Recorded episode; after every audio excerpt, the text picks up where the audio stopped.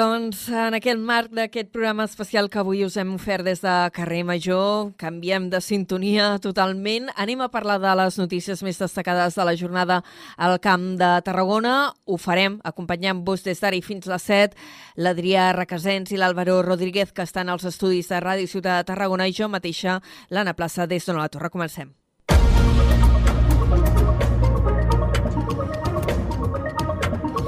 I avui comencem parlant de tren. El govern espanyol reitera que l'ample de via internacional connectarà Tarragona amb Europa abans del 2026. És el que ha explicat el comissionat del govern espanyol pel corredor mediterrani, Josep Vicent Boira, que aquest matí ha pronunciat una conferència a la Cambra de Comerç de Tarragona.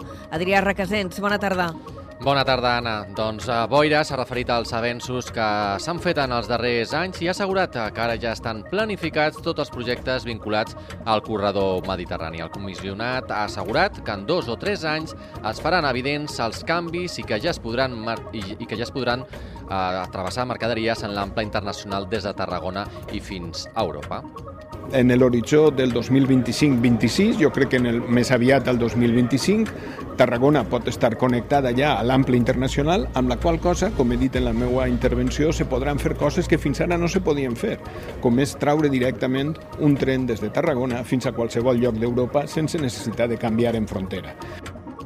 El comissionat eh, pel corredor mediterrani també ha remarcat eh, que els problemes que planteja l'actual configuració ferroviària al Camp de Tarragona són fruit de decisions que es van prendre fa dècades. Boira ha destacat que ja s'estan estudiant possibles alternatives amb la complicitat del territori. En marxa estan previstes les alternatives eh, de repensar el nus ferroviari de Tarragona amb aquest pla de remodelació de la xarxa arterial ferroviària a Tarragona, que fins i tot té una comissió en marxa en la que participa el MITMA, el Ministeri, la Generalitat de Catalunya, l'empresa adjudicatària de l'estudi informatiu i els tècnics municipals. Jo crec que això és la situació. Això és el millor camí i el millor indicador.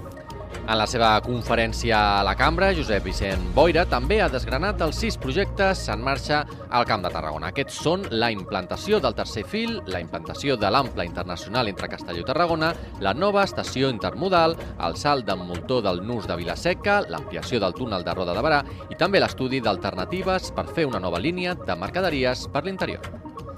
Parlem ara de les obres de modernització de la xarxa de rec que s'estan fent a l'Alt Camp, a Valls, una infraestructura que estarà llesta a finals d'any.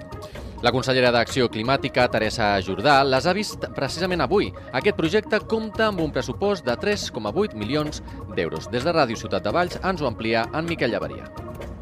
La consellera d'Acció Climàtica, Alimentació i Agenda Rural de la Generalitat de Catalunya, Teresa Jordà, ha visitat avui les obres de modernització del rec de la comunitat de regants de Baix. Es tracta d'un projecte amb un pressupost de 3,81 milions d'euros que buscarà una major eficiència del transport de l'aigua i implementar tecnologies de telecontrol. Jordà considera que les estructures de regadiu són estructures d'estat i a més assenyala tots els punts positius d'aquestes obres, especialment en la situació actual de sequera. Una obra d'aquestes característiques doncs, evidentment, ara ho comentàvem amb la comunitat de regants, ens ajuda a diverses coses. Ens ajuda una de molt important, que és la productivitat, òbviament, de la pagesia. Ens ajuda amb una altra, que és el relleu generacional imprescindible en aquest sector que produeix aliments. I una tercera, que és l'ús eficient de l'aigua. L'aigua, que és un bé extremadament escàs. I no ho dic ara perquè estiguem en una sequera, repeteixo, sinó que és escàs sempre, que sempre hem tingut doncs, dèficit hídric en aquest país i la conca del Mediterrani en plena emergència climàtica és obvi que valorar l'aigua, evidentment, és, és, és el que s'ha de de fer. La consellera es mostra feliç perquè aquestes obres hagin iniciat i espera que finalitzin a finals de 2023. El Parlament insta el govern català a enfatitzar els controls d'ús d'aigua industrial, de regadiu i lúdica al Camp de Tarragona. La petició deriva d'una moció d'en Comú Podem que es va debatre ahir dijous. Entre els punts de la moció que han prosperat també hi ha demanar a la Generalitat que estudi la mobilitat de la conurbació central del Camp de Tarragona i que es demani al govern espanyol una línia ferroviària per a l'interior per al transport de mercaderies. A més, el Parlament ha acordat demanar més recursos en salut mental a la regió i, es, i que es creï un centre d'urgències d'atenció primària a Tarragona.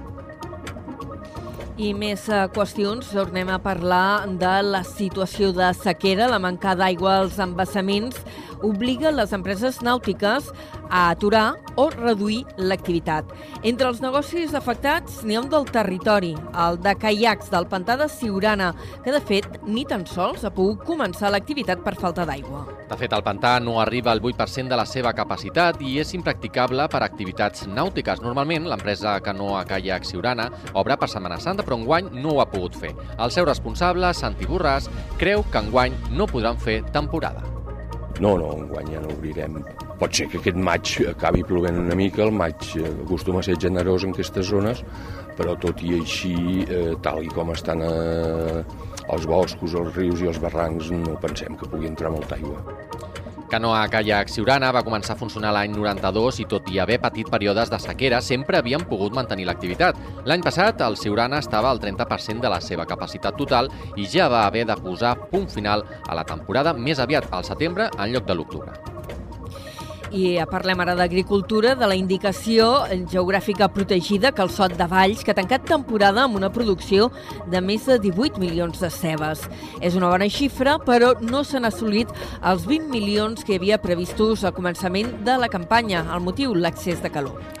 El president de l'òrgan regulació, del Massi Clofent, ha explicat que les altes temperatures de l'estiu i principis de tardor van afectar els conreus i els calçots no van grillar en el moment adequat. Això, però, no ha afectat la qualitat dels calçots. La IGP ha celebrat avui divendres l'acte oficial de final de temporada al Pla de Santa Maria, a l'Alcamp. Hi han assistit la consellera d'Acció Climàtica, Alimentació i Agenda Rural, Teresa Jordà, i la d'Igualtat i Feminismes, Tània Verge, mestra. Notícies ara del fet divers. Els Mossos d'Esquadra han detingut cinc homes per dos robatoris amb força que s'haurien comès a les comarques de la Conca de Barberà i el Baix Penedès. Els arrestats tenen entre 26 i 32 anys i els robatoris es van produir a l'Espluga de Francolí i Santa Oliva. Els primers tres detinguts van quedar amb llibertat amb càrrecs després de declarar davant del jutjat d'instrucció en funcions de Guàrdia de Valls, mentre que els dos restants estan pendents de passar a disposició judicial al Vendrell.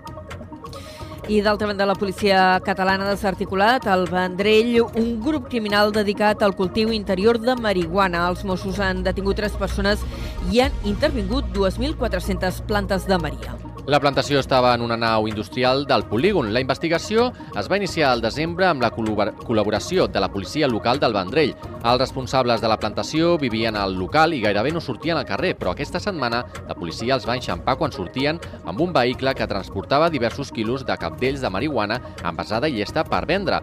Els altres eh, tres arrestats són investigats per un delicte contra la salut pública i de defraudació del fluid elèctric. La investigació continua oberta i no es descarten més detencions.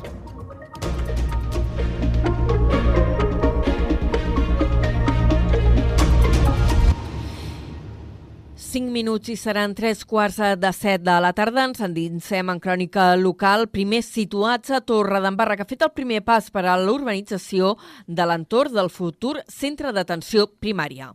El ple del consistori Torrenc, celebrat ahir dijous, va mm, aprovar una modificació del Pla General que permetrà necessària per crear el vial que ha de connectar amb el futur equipament. Des d'on a la torre ens ho explica en Josep Sánchez.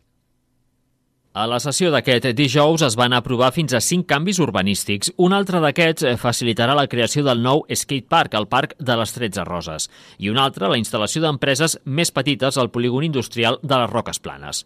El tinent d'alcalde d'Urbanisme, Josep Maria Guasca, ha destacat que són qüestions que estan molt treballades i que les volia aprovar inicialment abans de tancar la seva etapa a l'Ajuntament. I a més és una, és una qüestió poder personal meva. Crec que tinc l'obligació d'acabar aquest mandat amb aquesta eh, modificació aprovada perquè a més hi ha temes que això és una aprovació inicial, després falta fins que no passi la definitiva, passa temps i crec que és important eh, de que es faci el abans possible perquè eh, es pugui solucionar doncs això, el més aviat. A més, el ple també va desestimar el recurs de Fomento de Construcciones i Contrates contra el contracte d'emergència de la brossa i va escollir la nova jutgessa de Pau de Torredembarra, que serà Rosalia Papiol. Moltes gràcies, Josep. I seguim en l'àmbit del Baix Gaià, eh, parlant eh, de l'urbanització de Brises del Mar, d'Altafulla, on les noves llums començaran a instal·lar-se a principis d'aquest mes que estem a punt de començar, el mes de maig. De fet, l'empresa encarregada de les obres ja ha signat el contracte amb el consistori. Només cal el tràmit de reemplanteig per iniciar aquesta actuació. Des d'Altafulla Ràdio ens en dona més detalls la Carol Cubota. Brises del mar d'Altafulla ja és més a prop de veure la llum, i mai millor dit. Les noves lluminàries van prendre forma en el cap dels veïns i veïnes de la urbanització amb l'exposició del projecte i la tria de la tipologia de bombetes que preferien pels seus carrers. I ara estan a prop de veure materialitzada aquesta idea. L'empresa Ferrovial, guanyadora de la licitació pública, ja ha signat el contracte amb l'Ajuntament d'Altafulla per fer la instal·lació dels llums i aquesta ha d'iniciar-se de manera pràcticament immediata. La regidora d'Urbanisme, Marisa Méndez Vigo, apunta a principis de maig per iniciar els treballs i a finals de juny per la seva finalització. És una obra molt complicada, per tant, penso que no necessiten una gran quantitat de maquinària ni una maquinària molt voluminosa i, per tant, eh, jo penso que trigaran dies, diríem, de tal manera que a començaments de maig ja començaran les obres. I esperem que a finals de juny estigui tot fet. A Bris del Mar s'instal·laran un total de 178 lluminàries LED amb un color càlid, com van escollir els veïns. El nou sistema serà més eficient econòmica i mediambientalment i ha suposat una inversió de 168.000 euros. Moltes gràcies, Carol. I avui centrem la crònica de precampanya a la capital de l'Alcamp. Falta una mica més d'un mes per a les eleccions municipals i a Valls ja hi ha confirmades set candidatures.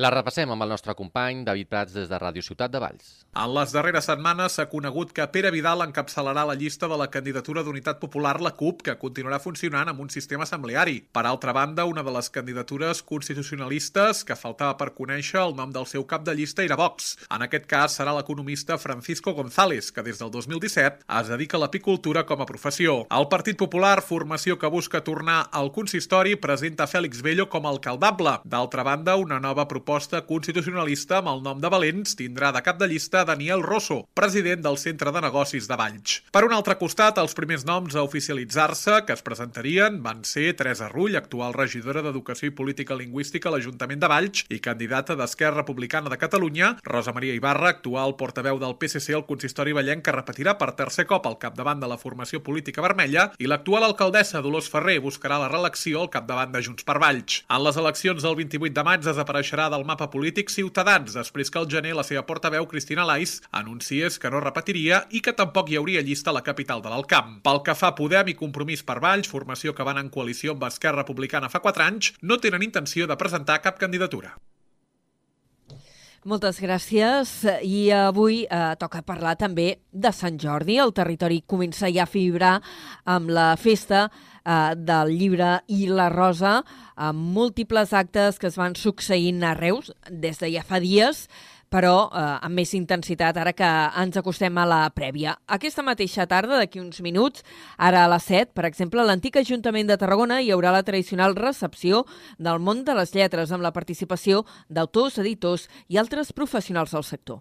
I aquí al costat, a Reus, ara a la 7, també hi haurà una trobada amb els autors locals. Serà a la Biblioteca Xavier Morós, on ja fa uns dies que hi ha exposats els llibres que s'han publicat en el darrer any a la ciutat. Si teniu curiositat per descobrir les novetats literàries del territori, també podeu consultar el catàleg digital que ha editat un any més la Casa de les Lletres de Tarragona, que recull una seixantena de títols. A més, avui divendres es faran rebelles literàries a la majoria de biblioteques del territori. A la de Tarragona, per exemple, les activitats han començat a les 5 de la tarda hi ha música i lectures dramatitzades. El grup de teatre Tecla Smith llegirà fragments de la Ilíada i també es llegiran textos de Vidal Alcover. Tarragona tindrà 137 parades a la Rambla Nova. Aquest diumenge, coincidint amb Sant Jordi, els estants es distribuiran des de a tocar del balcó del Mediterrani, des d'on hi ha el monument a Roger de Llúria fins a la Font del Centenari. Hi haurà 12 llibreries, dues més que l'any passat. Pel que fa a floristeries, n'hi haurà un total de 16, mentre que la resta corresponen a entitats. Les parades estaran obertes des de les 9 del matí fins a les 9 del vespre.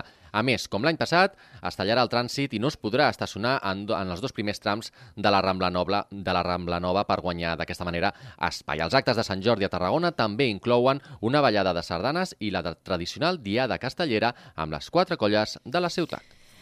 I a Reus les parades estaran repartides per, tota la, per tot el centre de la ciutat. Hi haurà una setantena de parades d'entitats, a més de 12 floristeries i 9 llibreries. A la plaça del Mercadal és on hi haurà les floristeries, les llibreries i els mitjans de comunicació que realitzen durant tot el dia activitats extraordinàries amb motiu de la Diada. També hi haurà, eh, durant a terme, les diferents activitats programades i les presentacions de llibres i signatures amb els autors locals com a principals protagonistes. Entre els actes previstos hi ha una marató de lectura dels textos, textos de Xavier Amorós, trobades amb els autors locals i una exhibició castellera amb els xiquets de Reus.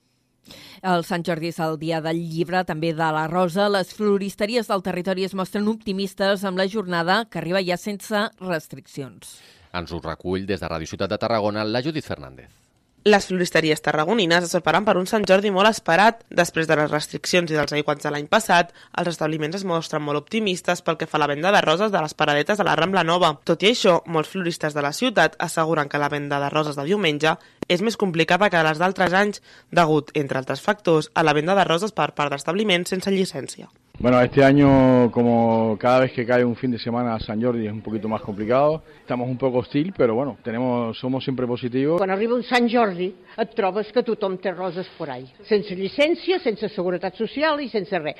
No sé de quina pasta estem fets els floristes, perquè aguantem i aguantem i aguantem. I la gent busca algo pues, in, innovador, però bueno, innovador tu pots fer la rosa pues, més aviat eh, personalitzada. Les roses personalitzades o les roses de colors arriben fora aquest Sant Jordi, on la rosa vermella segueix sent la joia de la corona. I Montblanc tot just fa una estona aquesta tarda ha arrencat la setmana medieval amb la lectura del pregó. La d'enguany és la 36a edició de la festa i la gran novetat és la renovació de la representació de la llegenda que es farà demà dissabte al vespre. Fa tres setmanes que ja no queden entrades per a la sessió de les 9 del vespre i per a el de les 11 de la nit en queden ben poques. El president de l'Associació Medieval de la Llegenda de Sant Jordi, Matías Martí, ha destacat el programa especial de carrer Major d'aquesta tarda que han fet des de Montblanc que la representació s'ha renovat del tot, mantenint, això sí, l'essència de la història.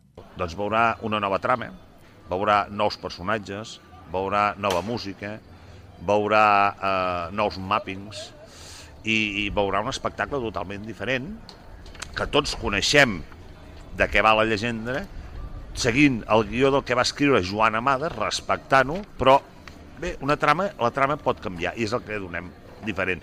I això ens ajuda també a, que, a renovar el públic, a que la gent tingui ganes de tornar a veure la llegenda.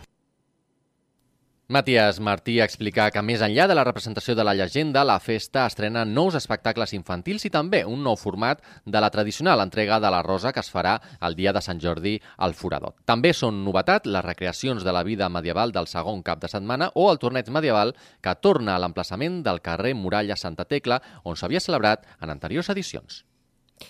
I anem ara cap al Baix Camp per parlar d'oferta lúdica i educativa adreçada als més joves, eh, en referència al camp de treball que recupera a la Masia de Castelló. I es farà amb el lema Castelló on el passat reviu. Des de Ràdio L'Hospitalet té tots els detalls l'Iris Rodríguez. Els camps de treball tornaran un any més a la Masia de Castelló aquest estiu. Aquesta iniciativa està organitzada per la Direcció General de Joventut de la Generalitat i es tracta d'una activitat de voluntariat que consisteix en la realització de projectes i serveis a la comunitat que acull el grup de joves. En aquest cas, el camp de treball porta per nom Castelló, on el passat reviu, i està destinat a joves de 14 a 17 anys d'arreu de Catalunya i tindrà lloc del 25 de juny al 9 de juliol. Durant aquests dies, els nois i noies combinaran activitats lúdiques i de lleure amb activitats de voluntariat i de servei a la comunitat, com ara tasques de protecció o intervencions en el patrimoni. Cada persona participant en els camps de treball es compromet de manera individual o en grup i de forma desinteressada a participar en el treball proposat a canvi de la manutenció i poder gaudir d'activitats de lleure educatiu. El fet que Castelló torni a acollir els camps de treball permetrà, entre altres coses, avançar en el projecte de recuperació del poble i les preinscripcions estaran obertes fins al 2 de maig. Moltes gràcies, Iris. I ara eh, parlem de divulgació històrica. Dues conferències sobre la Guerra Civil i el, franqui i el franquisme han recuperat la memòria històrica de la selva del camp. Les ponències han volgut recordar la història de l'antic camp d'aviació de Vilallonga i els seus refugis i la crònica de la repressió en els espais públics que va patir la vila durant els anys de la postguerra. Ens ho explica des de Ràdio La Selva el nostre company. Les xerrades han estat conduïdes pels historiadors salvatans Axel Baget i Guillem Puig i l'arqueòloga Mar Pareja, a partir de les seves investigacions publicades a la revista d'estudis llibertaris La Corbella. El treball conduït per Axel Baget i Marc Pareja ha permès fer una cronologia a la curta vida de l'aeròdrom de Vilallonga, construït a la zona del Mas de la Montoliva, i comprovar els usos alternatius que se li van donar a la seva pista per aturar l'avenç del bàndol sublevat. Escoltem Axel Baget un camp d'aviació que va començar a construir-se a l'abril del 38, eh, tot i que la seva activitat va ser molt poca, podem destacar doncs, algun aterratge, algun enlairament a l'estiu del 1938 i finalment doncs, va ser destruït, destruït al novembre del 38, al, al 1938, i llavors es va utilitzar per, per ficar uns avillons que se'ls deien grills, que eren bàsicament avions eh, fets de fusta per, per intentar que els enemics descarreguessin i gastessin material. En la segona part de l'acte, Guillem Puig ha repassat alguns dels casos de repressió franquista durant la postguerra en espais públics de la selva. Exemples que han anat des de la construcció d'una creu dels caiguts que es va instal·lar en un primer moment al portal de Vall fins a l'ocupació de la defensa agrària per part de la Falange, passant per les pintades a les cases que encara ara es poden intuir donant un tomb pel poble.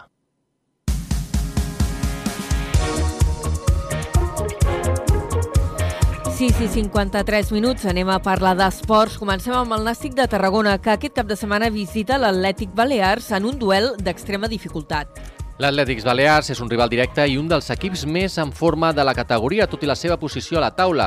Suma tan sols 40 punts, dos per sobre del descens i tres per sota dels tarragonins. L'entrenador Dani Vidal es mostra confiat en l'equip. Un entrenador está tranquilo cuando lleva una línea de trabajo clara, un camino claro, una línea ascendente, que los jugadores lo sepan, que se sientan fuertes y a partir de ahí saldrá bien seguro.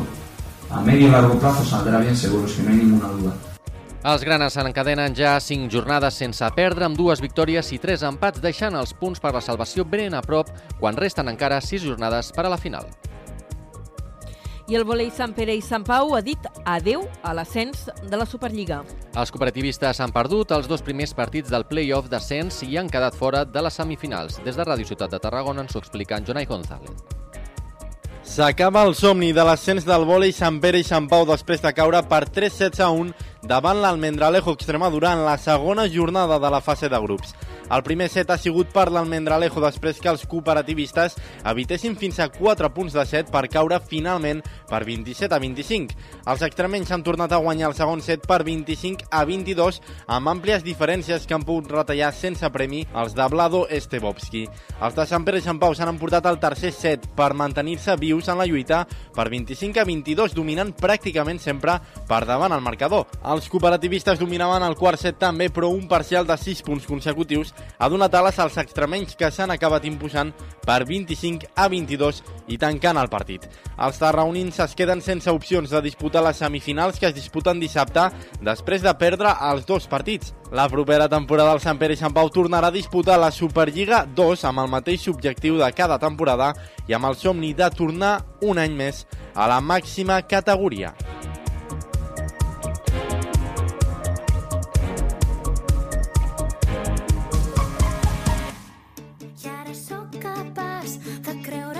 I ens queda un minutet per parlar de l'agenda en la qual té molt protagonista, molt protagonisme aquesta noia que sentim, la Mariona Escoda, la guanyadora de la primera edició d'Eufòria, eh, que avui actua al Teatre Fortuny. Serà a partir de dos quarts de nou del vespre i és un dels primers concerts que fa per poder presentar el que és el seu disc de debut, un disc titulat d'una altra manera i en el qual ella explicava que es vol alliberar de l'etiqueta de bona nena.